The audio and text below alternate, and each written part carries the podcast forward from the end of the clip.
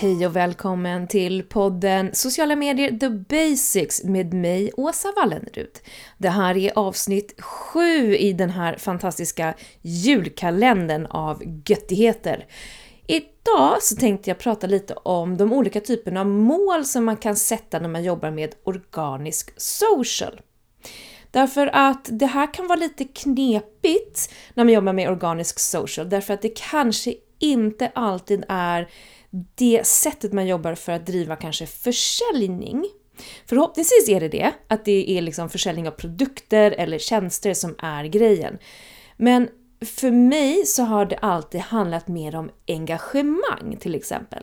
Jag vill hellre ha ett Facebook-konto med, säg 100 fans. De här 100 fansen älskar det du gör. De älskar ditt varumärke, de älskar dig som person. De tycker liksom att det här är det mest magiska som finns. De är där, de är engagerade, de svarar, de likar, de delar, de bjuder in vänner. Det här är det mest värdefulla du kan ha. Om du har ett konto med sig en miljon följare, men ingen bryr sig om vad du publicerar, ingen likar, ingen tycker till, ingen delar, ingen gör någonting, då är det helt enkelt en miljon värdelösa fans. Är ni med mig på det här?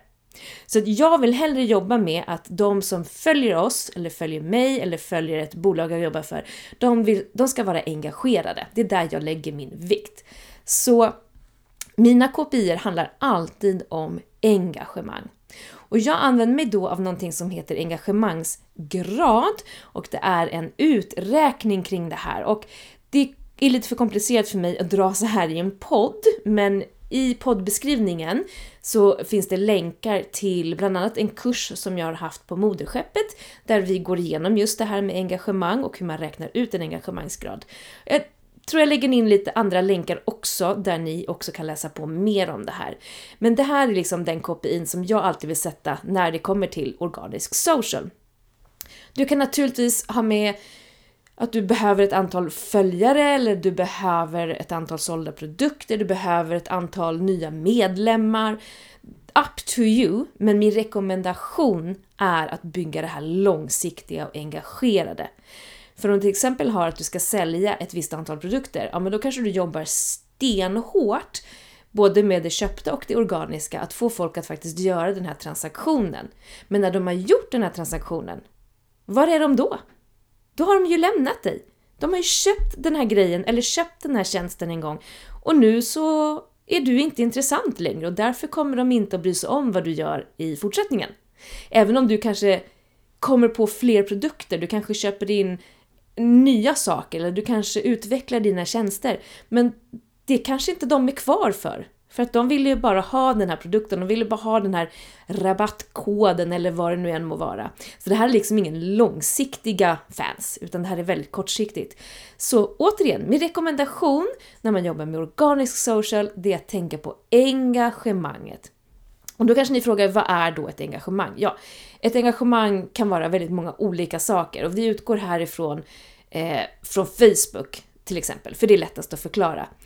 Om jag lägger upp en post på någonting så är ett engagemang att man har gillat det, att man har kommenterat någonting, att man har delat inlägget, att man har klickat på en länk eller att man till exempel har klickat på sidnamnet så att du kommer till sidan för den här, eh, det här varumärket.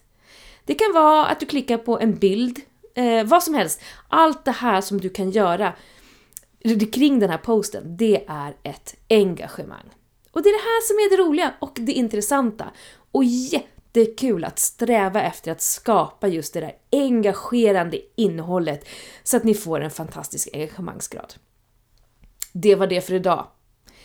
Vill ni ha mer information, har ni fler frågor kring just det här med att sätta mål för sin organisk social, så fråga! Bara fråga! Eller, ännu bättre, anlita mig så ska jag lära er precis hur man gör. Det var allt för idag. Tack och hej!